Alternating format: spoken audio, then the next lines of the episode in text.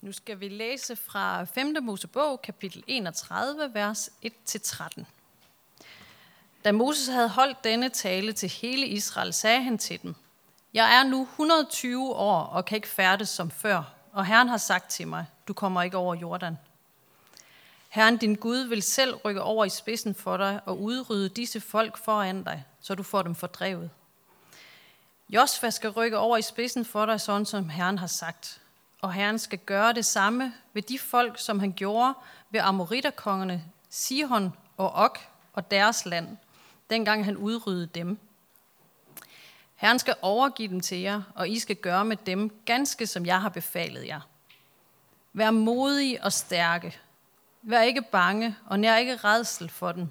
For Herren din Gud går selv med dig. Han lader dig ikke i stikken og svigter dig ikke. Derpå kaldte Moses Josva til sig og sagde til ham i hele Israels påhør, Vær modig og stærk, for du skal føre dette folk ind i det land, som Herren lovede jeres fædre at give dem, og du skal give dem det i eje. Herren selv går foran dig. Han vil være med dig. Han vil ikke lade dig i stikken og ikke svigte dig. Vær ikke bange og lad dig ikke skræmme. Da Moses havde skrevet denne lov, gav han den til præsterne, levitterne, som bar Herrens pagts ark, og til alle Israels ældste. Og Moses gav dem denne befaling.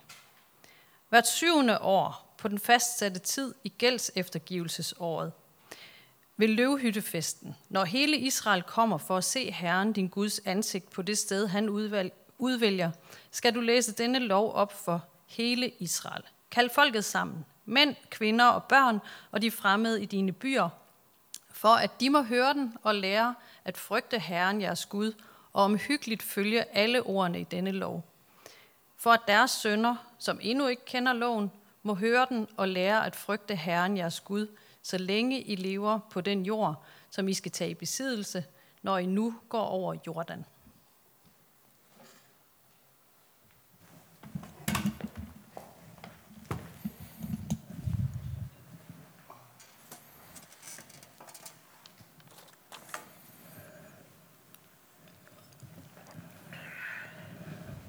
Godt gået. Nu står vi endelig her ved enden af den her ørkenvandring, som vi har været på på flere planer. De sidste syv gudstjenestesøndage her i kirken øh, har vi haft den her prædikenserie, og for nogen har det sikkert været en ørkenvandring. Så har vi også været med på den ørkenvandring, som italienerne bogstaveligt talt har været med på. Øh, og så var der lige den sidste ørkenvandring her til sidst, for dem også. Moses maratontale, en gammel mand, der lige skal have sagt ordentligt farvel og jeg ved simpelthen ikke, hvor mange timer, der går med det. Det ender endda med, at han ligesom tænker, at han skal synge en sang for dem. Og det er sådan der, hvor man tænker, okay, nu er det her indslag ved festen også, hvis det også vil være klaret. Øh, men, men, men det er simpelthen der, vi er nu. Nu er den her tale, som Moses har holdt, alt det sidste, han gerne lige vil have ind i israeliternes hoveder, nu er den endelig også ved at være færdig. Og nu er der kun én eneste opgave tilbage. Han skal have givet staven videre til Josva. Givet ham ansvaret. Og det er det, det handler om i dag. Josva, der skal til at træde ind i noget nyt, som Gud lægger frem. Og det er altid et af de helt store øjeblikke, der hvor i de her film, hvor, hvor der hvor den, den aldrende mentor, han ligesom skal give faklen videre til den unge lærling, og sige, nu er det dig, der er den, og du er faktisk klar, du kan faktisk godt det, der skal til nu. Jeg, står, jeg tror på dig. Og så lægger de sig til at dø. Om det så er Aragorn, der skal føre ringens broderskab videre efter Gandalf dør, eller om det er Luke Skywalker, der skal til at finde ud af at være Jedi efter Obi-Wan, så, så er det bare nogle af de sådan, største øjeblikke i filmen der, hvor mentoren giver staven videre til lærlingen. Og så står man der, og så ved man godt, at filmen den bliver nu en lang rejse ud i tvivl og usikkerhed. Måske med det første, der kommer til at ske lige efter, det er sandsynligvis sådan et eller andet kæmpe nederlag. Måske får man lidt flere nederlag og lidt flere nederlag, og så måske en sejr til sidst, hvis man er heldig. Sådan det her ansvar, som bare bliver lagt på de her menneskes skuldre, som kan synes alt, alt for tungt. Det er det, vi er ude i i dag. Og sådan tænker jeg også, det må have været at være Josva. Han skal stå der øh, sammen med den her mand, som har været klippen hele vejen igennem, som egenhændigt Selvfølgelig med Guds hjælp, men altså Moses har egenhændigt brudt en flok slaver ud af Ægypten, og selv knækket verdens mægtigste mand for at få det til at lykkes. Og siden ledt et ganske frygteligt og besværligt folk i 40 år igennem ørkenen. Og nærmest været den eneste, der har blevet ved med at holde øh, sporet, og blive ved med at være den eneste, der drev dem frem. Og selvfølgelig igen, heldigvis med Guds hjælp igen, men det glemmer man jo hurtigt, når man står der. Og nu er den her mand, som har fået alting til at ske i 40 år, nu er han altså klar til at gå på pension. Nu går han op og lægger sig. Og så står Josva der, alene tilbage. Heldigvis ikke helt alene. Fordi, som der bliver sagt, Herren din Gud vil selv rykke over i spidsen for dig. Som jeg behendigt lige glemte før, så er der en anden i spidsen for det hele. Det er det med Gud, der går forrest. Eller sige, det, vil sige, det, det er lidt forvirrende i teksten, fordi der står egentlig også, at det er Josva, der går forrest, at det er Josva, der går i spidsen. For lige efter, Herren din Gud vil selv rykke op i spidsen for dig, så kommer næste sætning, som lyder, Josva skal selv rykke over i spidsen for dig. Så det er altså Josva, der går forrest. Eller nej, det var, det var Gud, der gik forrest. Eller, de, og de to ting, de bliver aldrig sådan skrevet sammen, vel? Hvis det havde været sådan en eller anden letlæsningsbog, så har der lige været sådan en konklusion til sidst. Så derfor var det altså Gud og Josva, der gik forrest. Det bliver ikke, det bliver ikke sagt som sådan en ting. Begge dele er på en eller anden måde sandt. Og begge dele foregår sådan, måske nærmest sådan på to forskellige planer, ikke også? Gud er der. Gud forstår. Gud går forrest. Men Josva, han er også nødt til selv at gå forrest. Selv nødt til at tage skridtene. Han kan ikke bare vente på, at Gud flytter fødderne for ham. Det er ham, det er Josva, der skal stå der i spidsen. Det er ham, folk kan se er der. Og så tror han på, at Gud også er der. Måske endda faktisk går lige et par tåspidser foran ham. Men det kan han kun tro på. Han er nødt til selv at tage skridtene. Og derfor så følger der også flere ord med, som havde været sådan dejligt unødvendige, hvis nu Josva selv ikke selv havde behøvet at tage skridtene, vel? Hvis det bare lige var Gud, der overtog hans ben, og han så kunne gå som en robot fremad, så havde der ikke behøvet at stå det næste. Fordi det næste, der kommer, det lyder sådan her. Vær modig og stærk. Vær ikke bange, og nær ikke redsel for dem. Og det bliver sagt en gang, to gange, tre gange, fire, fem gange. Først til hele Israel, så personligt til Josva. Og så kommer det også lige et par ekstra gange øh, i løbet af teksten, og så lige et par ekstra gange igen i den næste bog, der kommer Josvas bog i Bibelen. Der får vi også lige gentaget, vær modig og stærk. Vær ikke bange, og nær ikke redsel. Øh, han skal simpelthen have det at vide så sindssygt mange gange. Det kommer til at blive sagt så mange gange, at det kommer til at lyde sådan næsten helt desperat, synes jeg. Sådan en lille smule skingert. Som om, at al sund fornuft siger, at man måske burde være så bange som overhovedet muligt. At det rationelle lige nu, det vil være at være bange og være fuld af redsel. Måske bare faktisk stå ved, hvor umodig og hvor svag man egentlig var. Der er noget mærkeligt selvmodsigende, synes jeg, over det her, være modig og stærk. Hvordan kan man sige det som en, en ordre? Hvordan kan man blive det, hvis man ikke allerede er det? Bare fordi der er en, der siger det til en. Igen så, øh, min filmhoved, den tænker lidt sådan den der horrorfilm, hvor at, øh, de, de er fanget, øh, hovedpersonerne, inde i den her brændende bygning, og så får de ellers fortalt hinanden, at nu skal vi bare lige være lidt modige og være lidt stærke, inden zombierne kommer og æder os. Og så kan det godt være, at de lige holder nogle minutter længere, men altså, de dør jo stadigvæk til sidst. øh, resultatet det bliver det samme. Øh, lige meget hvor meget de får sagt til hinanden, at vi kan godt det her, og det kører.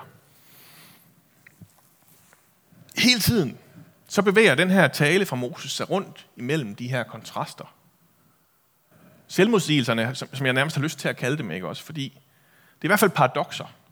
På, på, på den måde, så kan det... Men, og det tror jeg, det er nødt til, fordi det er den eneste måde, det kan få sagt noget sandt om det, den, den meget, meget forvirrende oplevelse, det er at være menneske. Hvordan er man det? Hvordan er det, man træder frem og træder ind i det her liv, som Gud har lagt foran en? I øh, bogen Gilead, der øh, tager øh, Pulitzer Prize-vinderen Marilyn, Marilyn Robinson den opgave på sig og lade en gammel døende mand skrive en introduktion til livet til sin unge søn, øh, som han ikke når at, at vokse op sammen med øh, særligt meget længere. Og øh, det er en helt fantastisk bog, og det er simpelthen så godt, at I lige får mange flere citater fra den nu, og meget længere citater, end jeg måske burde. Øh, men jeg valgte så lige at være modig og stærk her. Det starter nemlig med den her brudte forventning, at livet stadig ikke helt giver mening. Og det skal vi alle sammen på en eller anden måde finde ud af at leve med. At der ikke bare er en manual, vi kan slå op i, og så kan vi ligesom finde ud af, hvordan det hele bør gøres, og lige teste den der specifikke situation, det er side 83. Så ved vi, at det er det, der skal ske, når man gør det. Og så siger øh, manden her, sådan her. Jeg skal nok oversætte bagefter. In every important way, we are such secrets from one another. And I do believe that there's a separate language in each of us. Also a separate aesthetics and a separate jurisprudence. Every, every single one of us is a little civilization built on the ruins of any number of preceding civilizations. But with our own variant notions of what is beautiful and what is acceptable, which I hasten to add, we generally do not satisfy and by which we struggle to live. We take fortuitous resemblances among us to be actual likeness, because those around us have also fallen heir to the same customs, trade in the same coin, acknowledge more or less the same notions of decency and sanity. But all that really just allows us to coexist with the inviolable, intraversible, and utterly vast spaces between us. Og oversættelsen, min oversættelse lyder sådan her. I enhver vigtig forstand er vi hemmeligheder for hinanden. Og jeg tror, der er et separat sprog i hver af os. Også en separat æstetik. En separat forståelse af, hvordan reglerne fungerer. Og hver eneste af os er en lille civilisation, bygget på ruinerne af et enormt nummer af foregående civilisationer. Med hver deres forskellige forståelser af, hvad der er smukt og hvad der er acceptabelt. Hvilket jeg heller må skynde mig at tilføje, vi generelt faktisk aldrig kan leve op til. Og kæmper med at leve efter. Og derfor så tager vi tilfældige ligheder omkring os, for faktisk at være ens. Fordi dem omkring os også har fundet en arv til de samme skikke, handler med den samme mønt og anerkender mere eller mindre de samme opfattelser af ordentlighed og sund fornuft. Men det gør os egentlig kun i stand til at sameksistere med de samme ubrydelige, uoverskuelige, uoverskridelige og enormt store tomme rum imellem os. Det er der Josva han står nu. Med sin egen lille civilisation, bygget på ruinerne af det, han har arvet. Og skal finde ud af at navigere i den her verden, hvor han er alene, selvom han har nok så meget til fælles med folk omkring sig. I en forvirrende verden med en umulig opgave foran sig. Og på nogle måder så er det egentlig det, der er hans held. For det er her, han kan få lov til at opleve, hvad det vil sige at gå med Gud i spidsen. Og øh, det er jeg nødt til lige at hive Marilyn Robertson ind igen, for at prøve at forklare. Hun siger sådan her. There are two occasions when the sacred beauty of creation becomes dazzlingly apparent. And they occur together. One is when we feel our mortal insufficiency to, this, to the world, and the other is when we feel the world's mortal insufficiency to us. Der, hvor man får lov til at opleve den hellige skønhed, som Robinson kalder det, i skabelsen, det er der, hvor man står og er dødeligt utilstrækkelig over for den opgave, man står overfor. Midt i en verden, der samtidig er dødeligt utilstrækkelig over for mig, over for Josva. Fordi som Paulus han siger det, når jeg er magtesløs, så er jeg stærk. Det er i vores utilstrækkelighed, vi får lov at opleve nåden. Midt imellem de svigt, som Josva selv bliver udsat for, og de svigt, han kommer til at udsætte andre for, det er det rum, han kan finde nåden. Det er der, nåden er at finde. Det er det eneste rum, hvor nåden er at finde. Det er der, Josva står nu. Og så lige en sidste lang Marilyn Robinson. Øh, og så er, det også, så er det også slut. Og jeg oversætter igen bagefter. Whenever you turn your eyes, the world can shine like transfiguration. You don't have to bring a thing to it, except a little willingness to see. Only who could have the courage to, courage to see it? Theologians talk about a prevenient grace that precedes grace itself and allows us to accept it. I think there must also be a prevenient courage that allows us to be brave. That is to acknowledge that there is more beauty than our eyes can bear, that precious things have been put into our hands, and to do nothing to honor them is to do great harm. Hver gang du åbner øjnene, lyder min oversættelse, så kan verden skinne med forvandling. Du skal ikke gøre noget for det, udover en lille smule villighed til at se. Men hvem kan have mod til at se det? Teologerne de taler om en forudliggende noget, som ligger før nåden selv, og giver os ligesom at kunne acceptere den. Jeg tror måske også, at der må være en, et forudliggende mod, som giver os at være modige. Det vil sige, at vi får modet til at anerkende, at der er mere skønhed i den her verden, end vores øjne kan holde til. Og at smukke ting er blevet lagt i vores hænder. Og ikke at gøre noget for at ære dem, det er at gøre stor skade. Et forudliggende mod. Måske er det sådan noget, der tales om i dagens tekst. Måske derfor Gud kan sige, vær modig. Fordi han allerede har givet os det forudliggende mod til at være det. Løstrup vil nok kalde det for en suveræn livsytring. Der, hvor det gode det bare springer frem og viser sig. Inden der var nogen, der havde nået at overveje for og imod, og om det nu var en god idé at gøre eller ej. Hvad der ellers kunne være af gode undskyldninger for at lade være. Hvor det suveræne, det bare får lov at overtrumfe alt andet. Så modet, det er der måske allerede. Skønheden er der måske allerede. Hver gang man åbner øjnene. Så skal man bare også lige huske at kigge, når man åbner øjnene. Det er den smukke verden, Josva og israelitterne nu er på vej til at træde ind i. Ind i det her land, som de har fået at vide, flyder med mælk og honning. Som de simpelthen bare har brug for, efter alt for mange år i den her tørre, tørre ørken. Det, der så sker efter de her sider, vi har læst i dag, det er jo på mange måder ganske, ganske forfærdeligt. Israelitterne, de begår krigsforbrydelse forbrydelse efter krigsforbrydelse. Og Josef, han skal være rigtig, rigtig glad for, at der ikke er noget, der hedder en domstol for forbrydelser mod menneskeheden endnu. Fordi dem begår han i Guds navn gang på gang. Og rundt om så så tænker jeg, åh, de må simpelthen have misforstået noget nok så grusomt. Og den eneste trøst, jeg kan finde, det er, at historien den ikke ender der. Fordi 3.000 år senere, så kommer der en ny udvalgt. En ny mand, der skal lede Israel.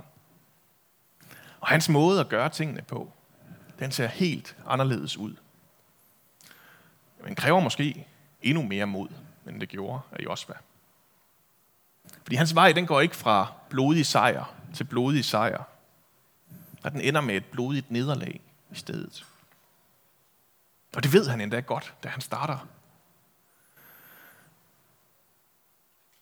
Den går til det her nederlag så meget, at modet og styrken måske nok er der for ham. Men hold da op, hvor er der også meget smerte og frygt. Men med så sindssygt meget mod til at gøre det. Og så står vi der med alle vores egne små kampe, og med det her grundlæggende vilkår, at vi er utilstrækkelige. At vi egentlig ikke forstår verden. At vi er skjulte for hinanden. Og skal alligevel finde mod til at være, være i det. Først og fremmest bare til at være menneske. Derefter til at være sted i alt det, livet kræver, kræver af os. Lige nu, midt i sådan en sindssyg, mærkelig coronatid, hvor alt er anderledes og mærkeligt, og vi ikke ved, hvordan reglerne er i morgen. Midt i alt det, så står vi der og skal være modige og stærke. Vi står der også som kirke og som menighed ved siden af hinanden, hvor vi skal finde ud af, hvad det er for nogle kampe, der skal kæmpes næste gang.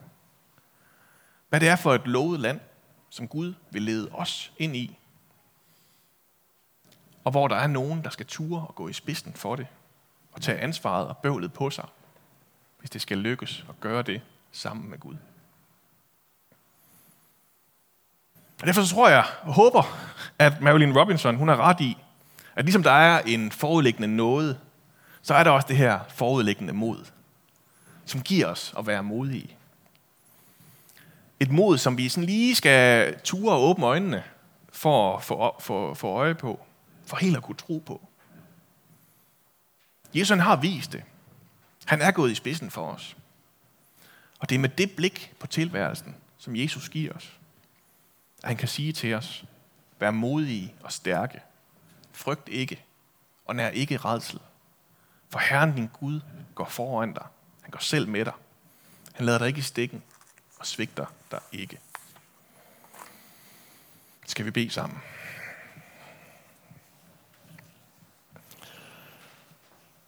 Far, tak fordi, at du ledte israelitterne gennem ørkenen og ind i det lovede land.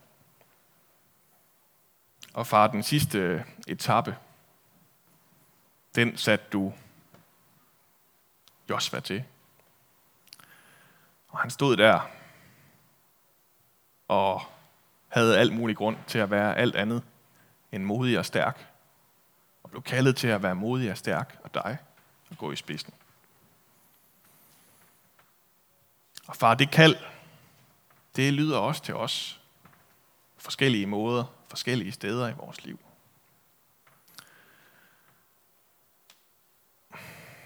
Og øh, vi står og er dybt utilstrækkelige over for verden. I en verden, som også er dybt utilstrækkelig over for os. Og øh, derfor så har vi bare brug for din nåde og dit mod, som du giver os. Så vi må ture og træde ud i det, du har lagt foran os. Ture og åbne øjnene for al den skønhed, du har lagt ned i den her verden. Jesus, tak fordi, at du viste en langt bedre vej. Og øh, tak fordi, at vi får lov at opleve din nåde midt i vores utilstrækkelighed.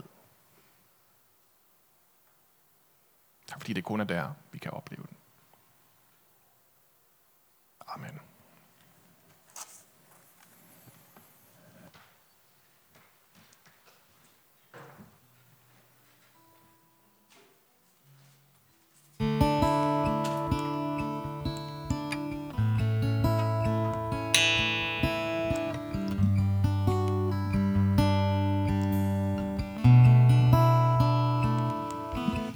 Skal synge den her sang Oceans sammen, og jeg tror mange af jer kender den ret godt. Øh, så vil I ikke bare tage del i det, og øh, I er selvfølgelig velkommen til både at sidde ned og rejse jer op, alt efter hvad I har lyst til.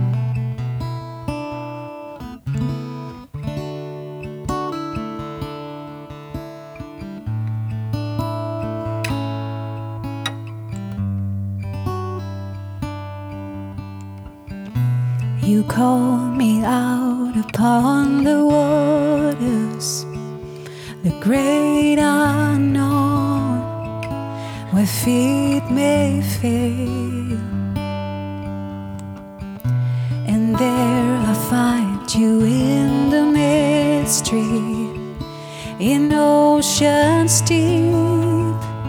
My faith will stand. and I will call upon your name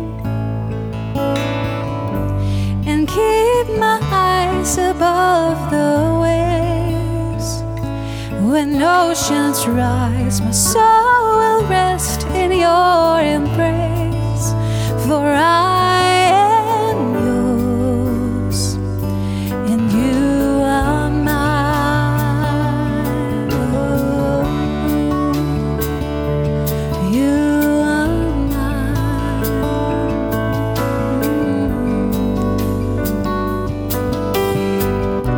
Your grace abounds in deepest waters. Your sovereign hand.